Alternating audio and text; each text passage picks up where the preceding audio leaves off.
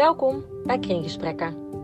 In deze podcast gaan we in gesprek met leden en contacten van de Kring, de Nederlandse Business Club Barcelona. Nu we het voorlopig moeten doen zonder maandelijkse events, hopen we op deze manier toch een beetje verbonden te blijven, ervaringen te delen en te inspireren.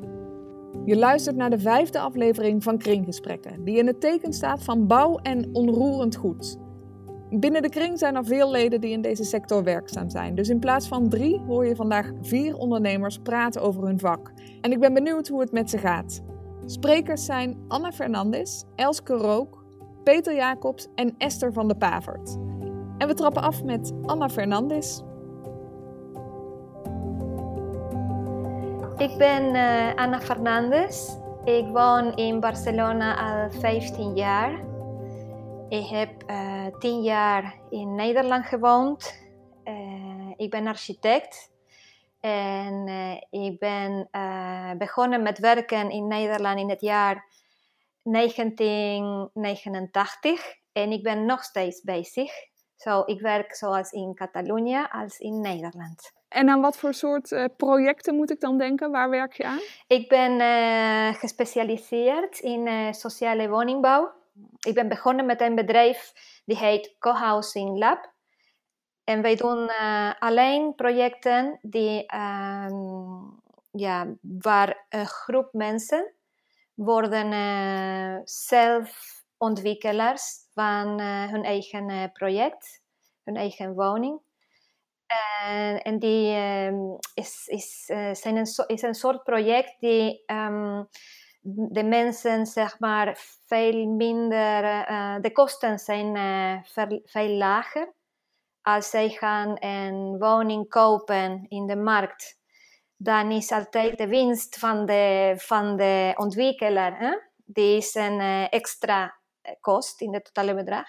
In deze geval, zij worden zelf ontwikkelaars. Wij doen twee soorten projecten, co-housing projecten 100% eh, co-housing en ook co-living projecten. Dat zijn twee uh, verschillende soorten uh, projecten in hetzelfde veld, zeg maar. Omdat het gaat over mensen die mm, meer een verbinding willen hebben met de, met de groep van bewoners, zeg maar waar ook uh, sommige ruimtes zijn uh, gemeenschappelijke ruimtes om te delen, die hetzelfde groep kan beslissen wat voor ruimtes die zijn. Maar er is een grote verschil, omdat de co-living is een project waar er is wel een ontwikkelaar, maar die, die ontwikkelt een project voor groepen. Mm, maar de co-housing projecten, uh, er is geen ontwikkelaar in beeld. Zo iedereen kan meedoen. Het is belangrijk dat de groepen die wij, wij helpen hè, om uh, die groep um, vorm te geven, dat de profiel van de mensen ja, gelijkwaardig is. Ook de, de niveau zeg maar, van de prijs, kwaliteit van de woning, ja, dat iedereen kan mm, dat betalen. Zo uh, het niveau, sociale niveau, eh, ook dat uh, een beetje harmonieus is, weet je, dat geen conflict kan creëren. Zo so, wat wij doen is alle aspecten die in zo'n ontwikkeling uh, voorkomt. Wij zorgen voor de groep dat dat uh, goed komt. Voor het, het beste woning, voor het beste prijs en in, in de kortste tijd, zeg maar. Zou je kunnen zeggen, ja, wat is het project waar je nou het meest trots op bent? Of is dat heel moeilijk om te, om te bepalen? Ja, ik denk dat uh, juist die, die is in Badalona voor is mensen die hebben um, multiple sclerose. Zo ik heb wel een, een, ja, een speciale feeling met uh, die groep. Omdat ik denk dat wordt het eerste project in Spanje. Een co-housing project voor mensen met lichamelijke gehandicap. So, ik moet zeggen dat is een beetje ja, mijn favoriet. Omdat het is, nou, is een groep mensen die zijn, zijn heel mm, zwak, zeg maar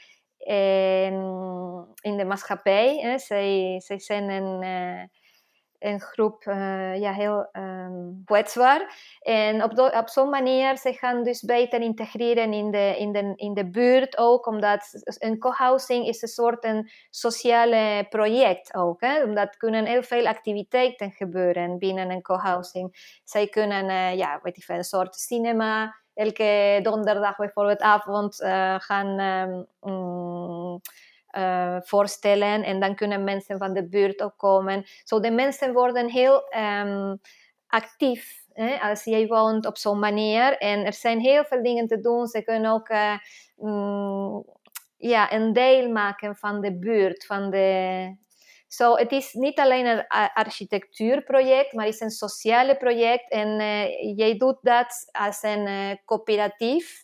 Um, is een juridische persoon, zeg maar. Omdat een groep mensen die willen um, zelf ontwikkelen, dan moeten ze sowieso een juridische persoon zijn. Zo, en de coöperatief is zonder uh, niet lucratief. Sinds deze week is de noodtoestand in Spanje voorbij. Maar hoe heb jij, uh, hoe hebben jullie de afgelopen tijd beleefd? Ja, in principe was voor ons heel moeilijk, omdat wij, wij hebben een, een grote ruimte uh, om alle uh, vergaderingen te kunnen doen met de groepen. Um, en het is wel belangrijk uh, voor beslissingen te nemen, ook om um, ja, um, genoeg ruimte te hebben, maar ook ja, als jij eh, mm, bijwoont, zeg maar, die, de vergadering, is iets anders dan via de scherm. Hm? Omdat uh, het, het, is waar dat de vergaderingen zijn heel gevoelig, hè? omdat uh, zij worden beslissingen genomen, uh, nee, genomen die um, ja, gaat over uh, een nieuw huis. Hè? Zo is het project van het leven, ongeveer. Jij koopt niet een huis uh, zo vaak. En, um, en de ruimte is ook belangrijk. Uh, so in dat opzicht was wel moeilijk voor ons. Maar uh, zoals iedereen, wij hebben dus een account in Zoom en andere middelen, Slack en et cetera. En wij proberen dus, en wij hebben gedaan alle vergaderingen via ja, online. En lukte dat een beetje? Ja, maar ik moet zeggen dat ik ben uh, benieuwd uh, hoe lang nog dat duurt. En het zou mooi zijn dat wij nog een keer um, direct met de mensen kunnen zitten en overleggen. Wij hebben wel nu geprobeerd en het is wel gelukt, maar niet altijd. we hebben dus een huis gevonden um, ja, in, buiten Barcelona waar uh, ja, genoeg ruimte, ruimte was voor iedereen. Maar bijvoorbeeld was in een uh, buitenruimte, zo so wij, wij hadden geen scherm. Zo, so wij konden geen video's zien of uh, ja, was... Ja, nog niet optimaal dus, zoals het nu is. Nee, nee, nee, nee. Nee. Heeft corona ook invloed gehad op het aantal projecten dat jullie aan het uitvoeren waren of, of nog gaan uitvoeren? Nou, in principe de bouw is gestopt. Dingen die wij bezig waren met uh, regelen en zo, wij, konden, ja, wij moesten gewoon stilstaan.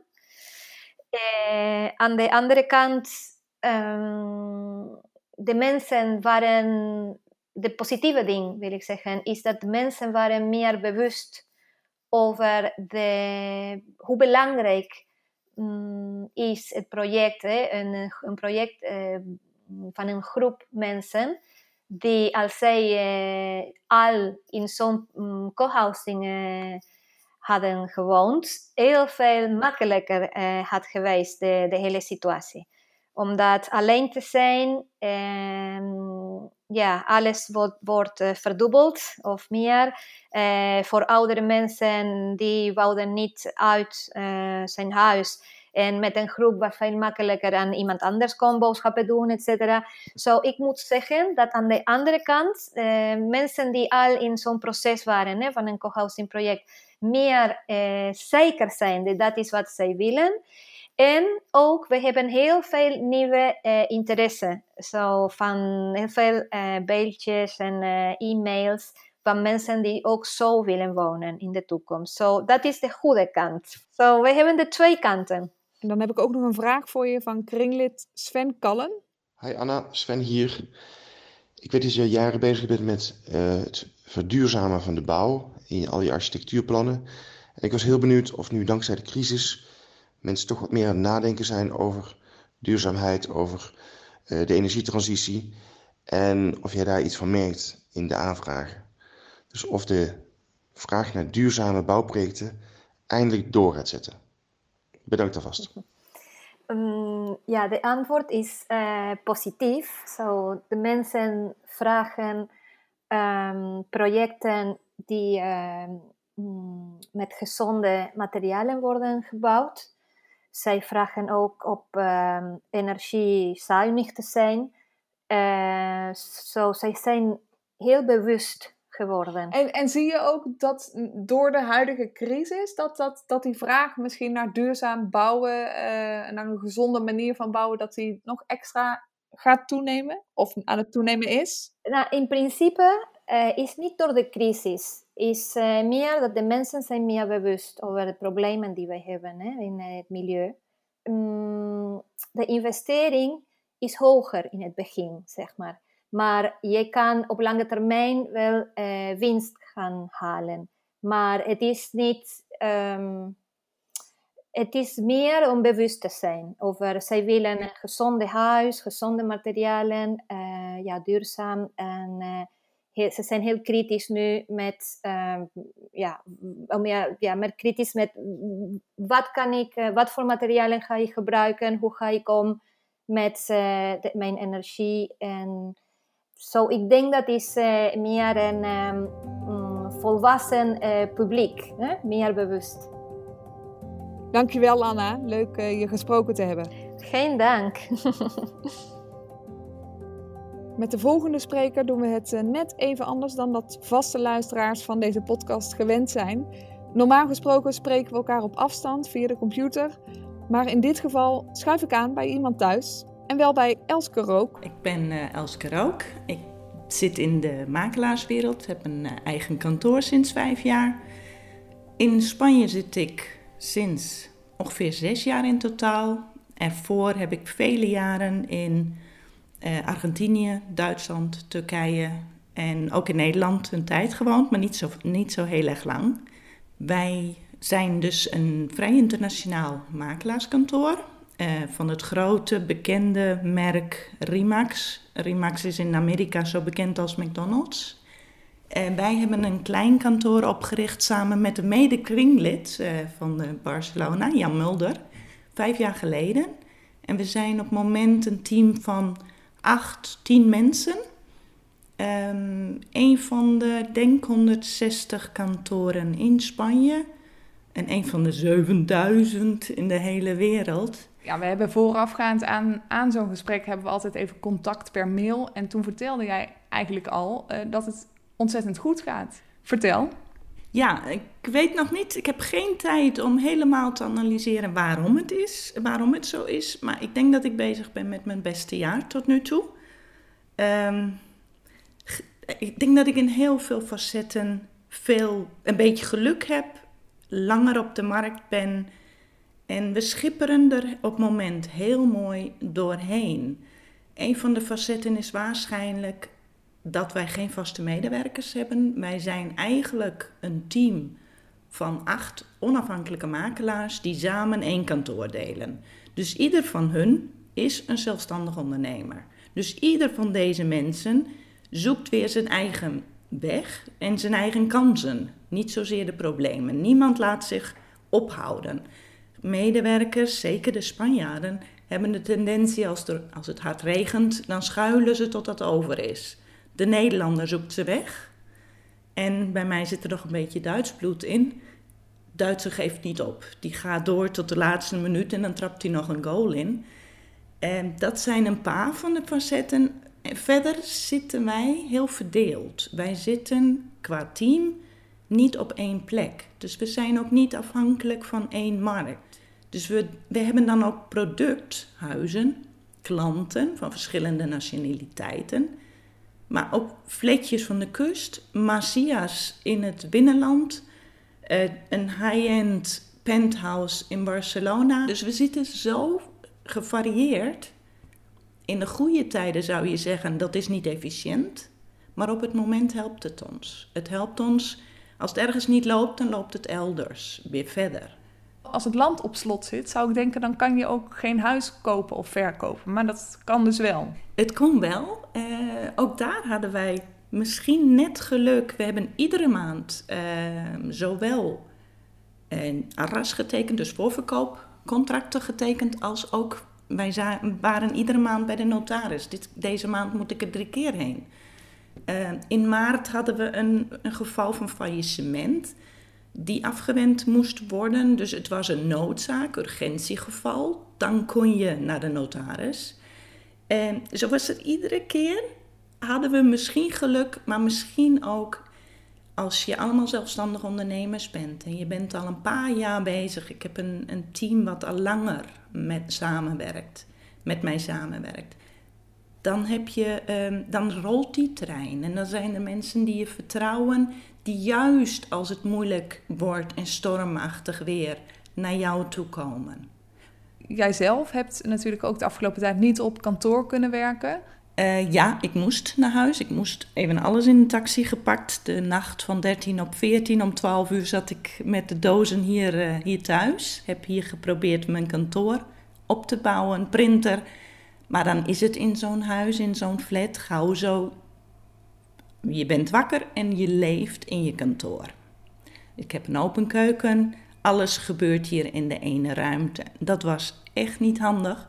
Dus zodra wij weer mochten sporten, s'morgens sporten en s'avonds sporten, heb ik heel snel die dozen weer gepakt, ze op kantoor neergezet en ben s'morgens joggend naar kantoor en s'avonds joggend weer terug. En de hele dag heb ik op kantoor gezeten met de deuren dicht. Oké, nou dus een goede combinatie van uh, sportief bezig zijn en uh, business-wise goed bezig zijn. Ja, wij zijn echt niet gestopt en sinds drie, vier weken heb ik ook weer dagelijks twee, drie van mijn makelaars die weer op kantoor zijn. Heel af en toe uh, lukt het ook mijn assistente die in zitjes zit met jonge kinderen, niet zo vaak naar kantoor kan komen, dat zij af en toe weer op kantoor is. Dus wij, wij zijn nooit gestopt en wij draaien eigenlijk de hele tijd op een of andere manier verder. Ik had ook zo'n mooi avontuur er moest iets getekend worden, een koopster en een verkoopster, beide niet meer zo heel jong. En dat met, uh, ja, dat tekenen via internet, dat was allemaal maar niks. Een van mijn makelaars, die doet um, ook een beetje, um, hoe heet dat? Met, met zijn brommetjes eten voorbij brengen bij Glovo en Just Eat. Toen heb ik hem gevraagd: kun jij die deze bladzijden even bij de koopster laten tekenen, even bij de verkoopster laten tekenen? en mij dan weer brengen. Dus zo hebben wij altijd oplossingen gevonden en door, door, door, door. Stel, ik wil nu een huis kopen. Raad je dat aan? Of denk je nog even wachten beter? Ehm, ik raad het aan en daar ben ik ook niet de enige. Uh, ik las ook van de week dat um, finansanalisten juist um, immobiliaria, real estate als een hele goede um, investering op het moment weer is. We verwachten allemaal inflatie, we verwachten moeilijke markten. Dus um, het wordt aanbevolen niet alleen naar de beurs te kijken, maar vooral ook weer naar steen te kijken. En we zien het ook. We zien ook dat mensen die op het moment geld hebben, dat die heel snel willen kopen. Dat is een groep kopers die niet graag nu het geld ergens op een bank heeft staan of ergens op een onduidelijke beurs, maar die zegt kleine investor, dus niet de hele grote, zo'n zo familiaire investoren die zeggen ik koop een huis of ik stel het niet langer uit. Ik ga deze, dit jaar op vakantie, of we kunnen bijna niet op vakantie. We wilden altijd al dat kleine fletje in Salo kopen. Dan doen we het nu. We gaan nu niet duur huren, we kunnen het nu doen. En als je dat met dat wachten, dat de prijzen verder naar beneden gaan. Iemand die slim is, die zegt, geef nu een iets lager bod. En die pakt gewoon nu de mooie dingen. Ik spreek later in deze aflevering spreek ik met Esther van der Pavert. En zij had alvast een vraag voor jou. Uh, dus ik zou van haar eigenlijk wel willen weten wat zij, uh, op, wat zij op dit moment merkt dus nu, uh, zo, zo, net nadat die lockdown wat, wat makkelijker wordt, hoe, of zij merkt dat verkopende klanten gretig zijn of juist niet om, hun project, om, om hun producten in de verkoop te doen. Wat zien we bij de verkopers? Ja, En ze worden, die, die, die mensen die op het moment verkopen, die worden iets reëler over wat een huis waard is, over de prijzen en over hoe je het goed aanpakt om toch redelijk vlot te verkopen. We hebben in Spanje nog steeds een beetje een verouderde tendens dat mensen huizen veel te hoog prijst in de markt zetten. En dan wachten ze wel op een bod. Wij raden daar altijd van af en gaan veel meer het Nederlandse concept in. Zet het scherp op een markt en zie dat je veel uh, offertes binnenkrijgt.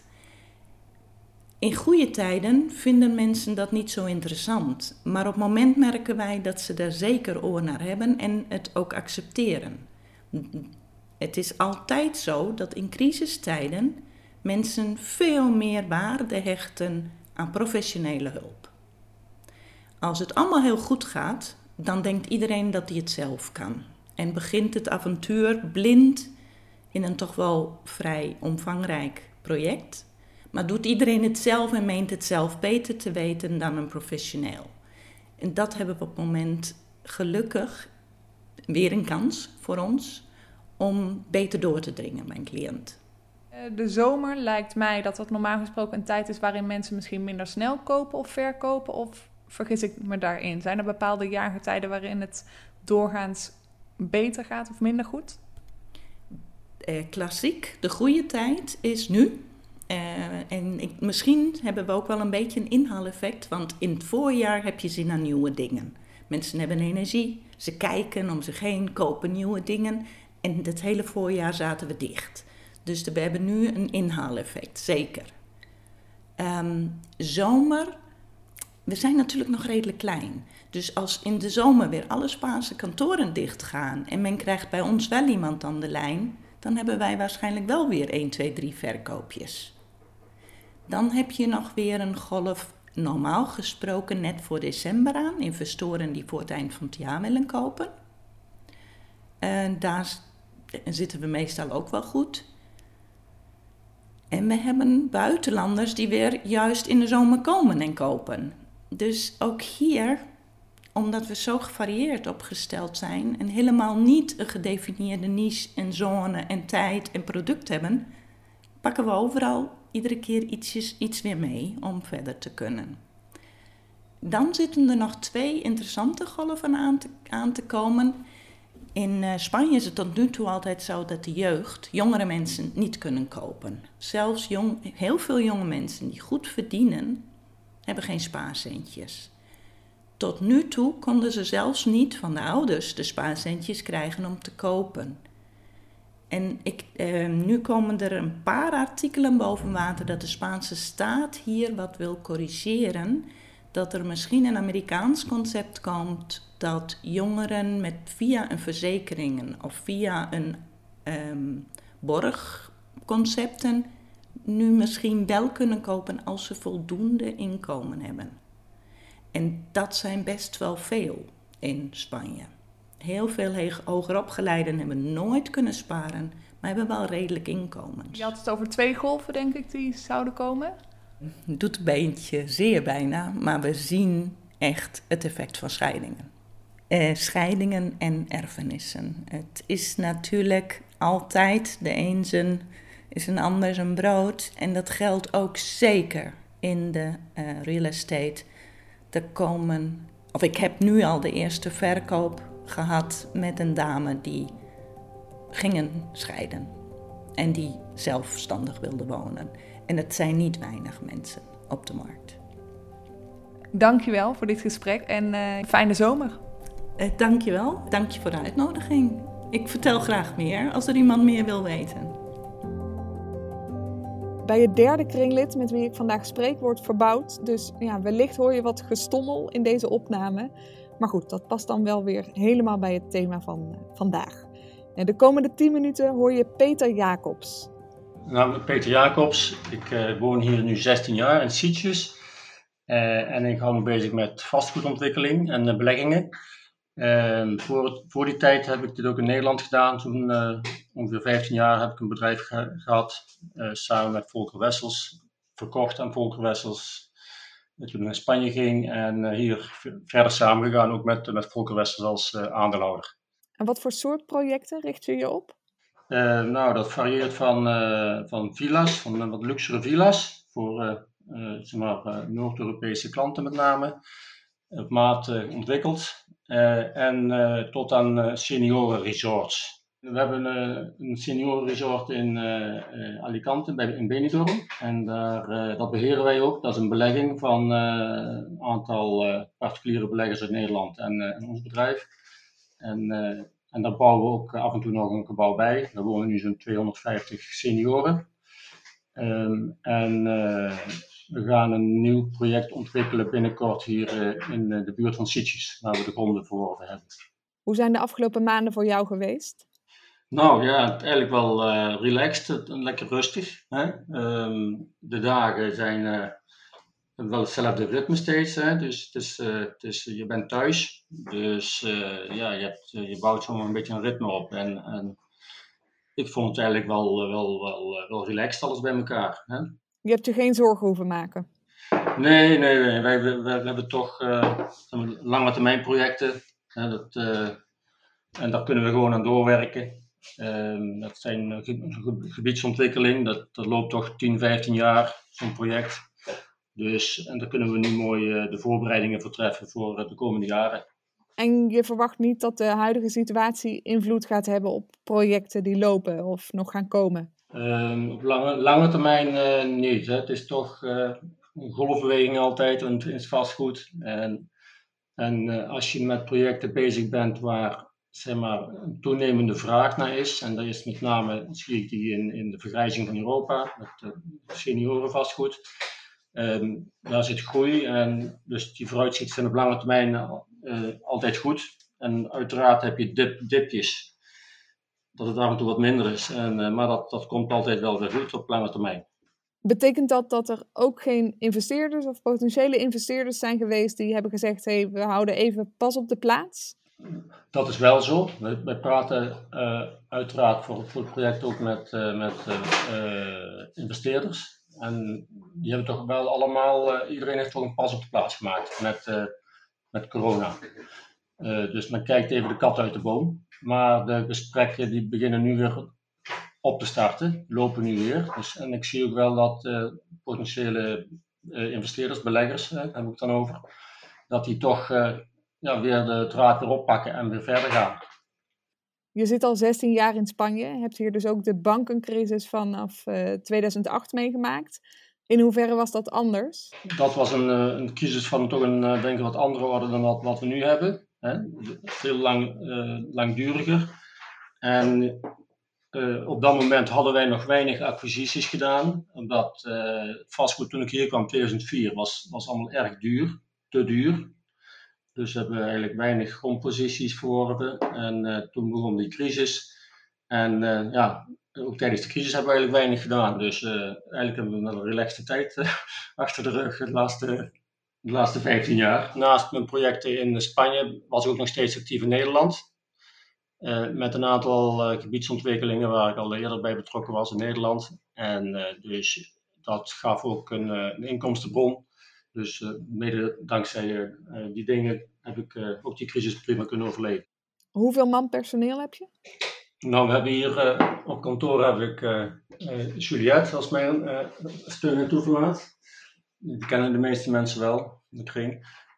en daarnaast hebben we op locatie in, in Benidorm hebben we ongeveer een 25 mensen die senioren resort werken. Ja, dus je bent ook veel in Benidorm te vinden dan? Eén keer per maand één à twee dagen. En uh, dat, is, dat is voldoende, dat gaat prima. En de afgelopen tijd heb je dat niet kunnen doen natuurlijk? Nee, want dan hadden we via uh, Zoom hadden we regelmatig overleg. Was dat voor jou nieuw, die manier van werken? Uh, ja, ik deed alleen een beetje Skype voor die tijd. Maar niet, niet zo gek veel. Maar nu toch meer met, met, uh, met Zoom of Teams. En ja, dat gaat wel een stuk efficiënter, moet ik zeggen. Want vroeger, eh, als je bijvoorbeeld in Nederland moest voor een, voor een paar vergaderingen, dan was je toch een paar dagen kwijt en nu ben je een paar uur kwijt. Dat, de, dat, dat scheelt, enorm veel tijd. Ja, is dat, is dat dan ook iets wat je, er, uh, wat je erin gaat houden? Ja, dat ben ik zeker van plan, ja. ja. In het seniorencomplex in Benidorm wonen 250 mensen. Dat is best een flinke groep. Ja. Veel Noord-Europeanen, waarvan een deel misschien geen of weinig Spaans spreekt. Hoe houd je die mensen op de hoogte? Zeker in het begin van de lockdown, als er ja, misschien toch wat paniek ontstaat. Uh, hoe ga je daarmee om? De meeste mensen die zijn uh, netjes thuisgebleven. We hebben natuurlijk uh, we hebben wekelijks nieuwsbrieven verspreid in, in, in vier talen. Want wij communiceren in vier talen met onze bewoners. de meeste mensen spreken nauwelijks Spaans, dat is heel typisch. dus we doen Engels, Nederlands, Duits en, en Spaans. en een paar Spanjaarden erbij ook. Um, en, maar die zijn allemaal netjes in hun appartement gebleven. En we hebben een restaurant ook wat maaltijd aan huis bezor bezorgde in die periode. En dus ja, regelmatig goede informatie verstrekken over stand van zaken. En we hebben ook geen enkel COVID-geval gehad. Helemaal COVID-vrij.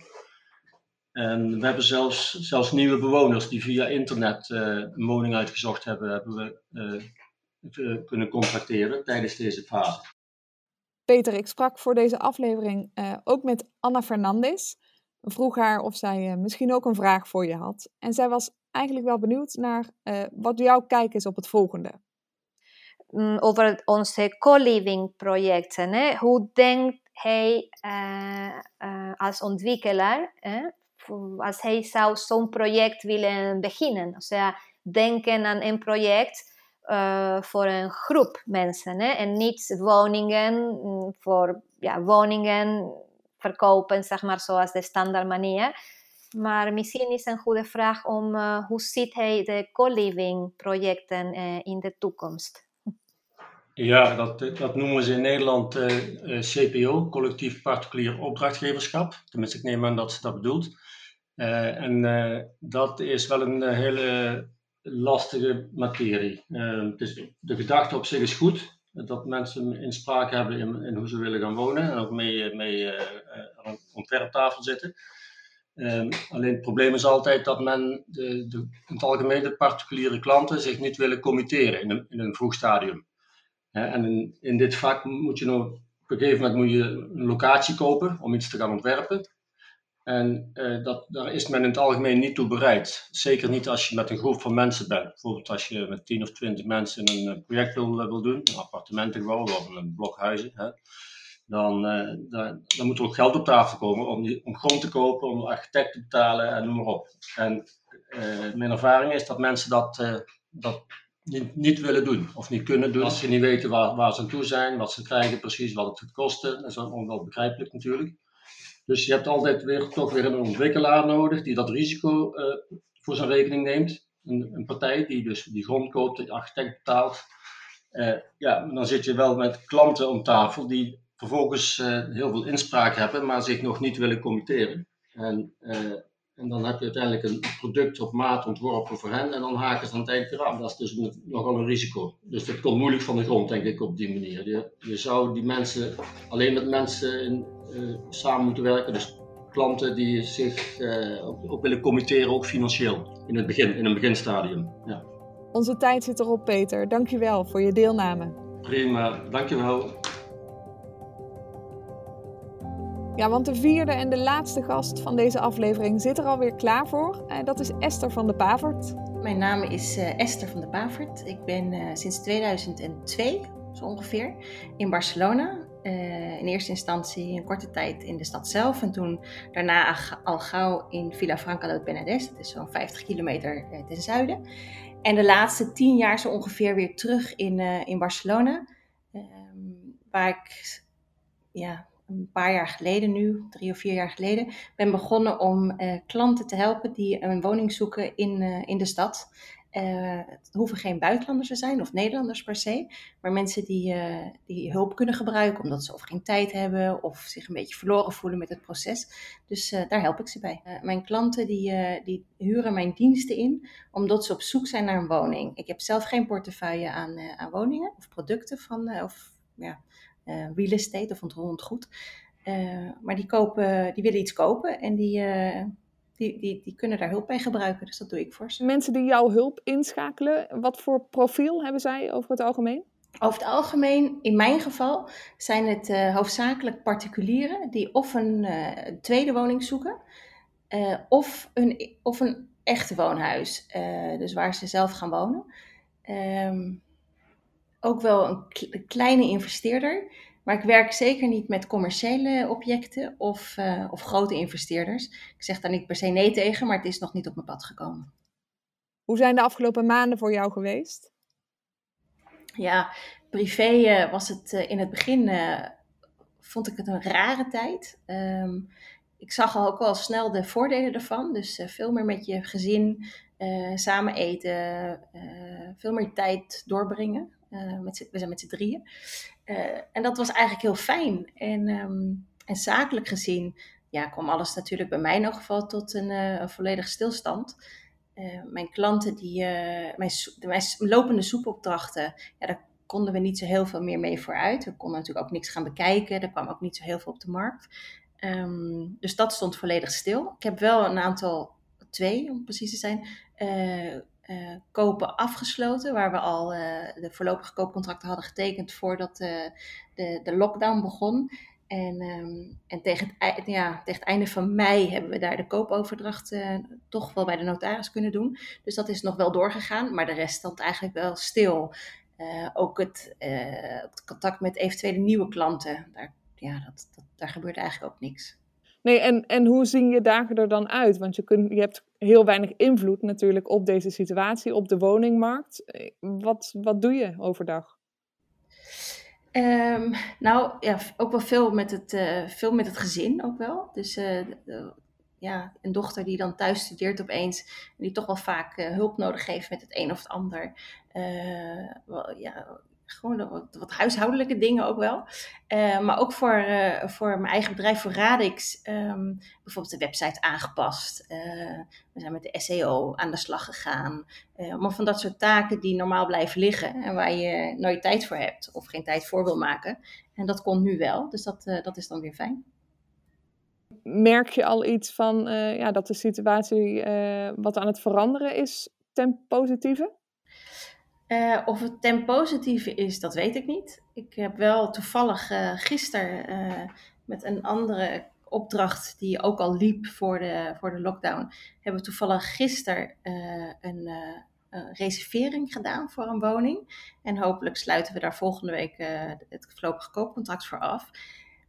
En daar merkte ik eigenlijk ja, vanuit de verkopende partij ook nog niet zo heel veel verschil. Komt misschien ook door de prijsklasse van deze woning. Uh, een, vrij lage prijsklasse. Um, waar de vraag ja, misschien toch nog wel bestaat. En wat ik hoor van de makelaars is dat de verkopende partijen of de eigenaren nog niet, in elk geval, heel erg bereid zijn om hun prijs te laten zakken. En toch nog wel wat afwachtend zijn, tot uh, misschien na de zomer of tegen het eind van het jaar. Uh, misschien komt de, pijn nog, van de economische pijn uh, van dit hele corona-verhaal. Um, maar op dit moment zijn ze toch nog wel wat uh, afwachtend met het zakken van de prijzen. Behalve de wat hogere prijsklassen, daar zie je wel wat meer gebeuren. Maar in die lagere prijsklassen gebeurt nog niet zo heel veel. Voor wie nu op zoek is naar een huis, uh, is dit een goede tijd, denk je, om iets te kopen? Of ja, zou je toch aanraden om nog even te wachten? Dat is natuurlijk uh, de, de, de, beroemde glazen bol. Die heb ik ook niet. Um, wat, de, wat de tendens wel schijnt te zijn, um, en dat hoor ik van uh, collega-makelaars, die uh, natuurlijk me vrij goed op de hoogte gehouden wat er zo'n beetje speelt en wat andere makelaars of, of ontroerend zo zeggen. En daar is toch wel de, de, de, de conclusie tot er, de, of de verwachting tot tegen het einde van het jaar en begin volgend jaar, tot de prijzen toch wel gaan zakken. Wat minder in de in de steden, tenminste, dat is de verwachting in, de, in, in Barcelona en Madrid. En wat meer buiten misschien. Daartegenover hangt wel weer, uh, of daartegenover staat wel weer dat daar ook wel een verwachting is dat mensen flexibeler gaan zijn in waar ze gaan kopen. Dus inderdaad, die, uh, die kleine woning ergens in het centrum van de stad is misschien niet meer zo attractief nu. Nou heb ik een vraag die daar best wel op aansluit. En dat is een vraag ingediend door Annabeth Vis. Ja, ik ben benieuwd of er ehm, meer mensen zijn die de stad uit willen dan voor de quarantaine. Uh, omdat ze natuurlijk misschien nu uh, in een uh, pisootje hebben gezeten, te klein oppervlakte zonder terras. En dat is natuurlijk niet de meest ideale situatie. Dus wellicht is er meer vraag naar huizen met tuin. Of ook atticos, pisos met dakterrassen. Dat kan natuurlijk ook in de stad zelf. is daar iets van merkbaar? Ja, nou, ik kan me daar wel wat bij voorstellen. ik heb het zelf natuurlijk ook gedaan. Ik ben ook de stad uitgegaan toen het begon. Ehm, en ik moet eerlijk zeggen dat ik daar heel blij mee ben. Uh, in plaats van in, in Villa Franca, in Villa Franca dat. Nou ja, daar hebben we natuurlijk meer ruimte. Um, en een terras. En dat is fijn. Maar aan het begin van die lockdown was dat natuurlijk belangrijk. Um, in Barcelona hebben we een, uh, ook een fijne woning, maar uh, ja, veel, veel kleiner en een heel piepklein terras. Dus ja, dat was, dat was dramatisch geweest, tenminste voor ons. Um, een van mijn klanten bijvoorbeeld, die zegt ook: ja, ik wilde een buiten, was niet belangrijk in mijn zoekopdracht. Het is misschien toch wel anders nu. Een lekker terras zou eigenlijk wel fijn zijn. En ook, ze werken van huis uh, en merken dat dat uh, misschien ook wel doorgaat zo in de toekomst. En tot dan één aan de keukentafel en één in, in het extra kamertje ook niet ideaal is. Dus misschien een ruimte waar je een kantoortje aan huis kan hebben. Um, opeens wel belangrijk gaat worden. Dus dat, die, en, en het gebied waar ze eerst zochten, kan ook uitgebreid worden. Want ze denken van nou, misschien hoef ik niet meer elke dag naar kantoor. Dus die tendens, ik denk dat die er zeker wel is. Uiteindelijk uh, zijn mensen ook afhankelijk van waar ze hun geld kunnen verdienen. Uh, en is het niet voor iedereen weggelegd om vanuit huis te werken. Uh, dus ja, die, die werkplaats die blijft wel belangrijk, denk ik. Maar ik, ik denk wel dat het die kant op gaat. Ik, ik kan me dat wel heel goed voorstellen. Het zou me niet verbazen in elk geval. Een, een deel van, uh, of een groot deel volgens mij, van jouw, uh, jouw klantenbestand is niet, niet Spaans. Merk je dat er ook mensen zijn die zeggen van, nou ja, weet je wat, Spanje staat ons wellicht een grote crisis te wachten. We gaan toch maar weer even terug naar, naar Nederland of naar het land waar ze dan oorspronkelijk vandaan komen? mijn klanten zijn niet altijd buitenlanders. vaak ook wel woonachtig in Spanje en dan van verschillende nationaliteiten. Dus wat dat betreft heb ik dat zelf nog niet gemerkt, maar ik, ik zie wel dat er vanuit de buiten, van mensen die vanuit het buitenland moeten komen, ja, dat, dat kan nu gewoon fysiek niet. Dus je kunt wel virtueel dingen doen, maar uh, op een gegeven moment uh, willen de meesten toch wel een keertje komen kijken. En op, dat, op dit moment kan dat niet. Ik denk wat dat betreft, denk ik dat die, die, de, de, de opening van de grenzen, tot, er, tot het wel uh, wat meer buitenlanders zal brengen. Maar ik denk dat er ook wel heel veel mensen zijn die toch afwachtend blijven. En er blijven natuurlijk landen. We kunnen de, de grens met Schengen gaan openen, maar nog niet alle landen. Dus bijvoorbeeld de Amerikaanse klant, die kan nog niet, uh, die kan nog niet komen, bijvoorbeeld. Nee. Oké okay, Esther, dat was hem alweer. Dank je wel voor je tijd, voor dit gesprek en heb een fijne zomer. Ja, dankjewel Carlijn en ook, ook bedankt voor dit gesprek.